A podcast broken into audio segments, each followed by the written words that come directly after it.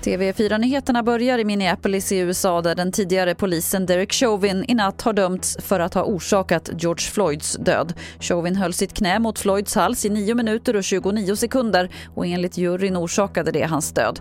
Domen meddelas om åtta veckor och Floyds familjemedlemmar talar alla om rättvisa. We won. He may not be here, but we won. Så kan vi också berätta att EU är överens om en klimatlag, det rapporterar AFP. EU-parlamentet och medlemsländerna har enats om ett mål om att minska koldioxidutsläppen med minst 55% till år 2030.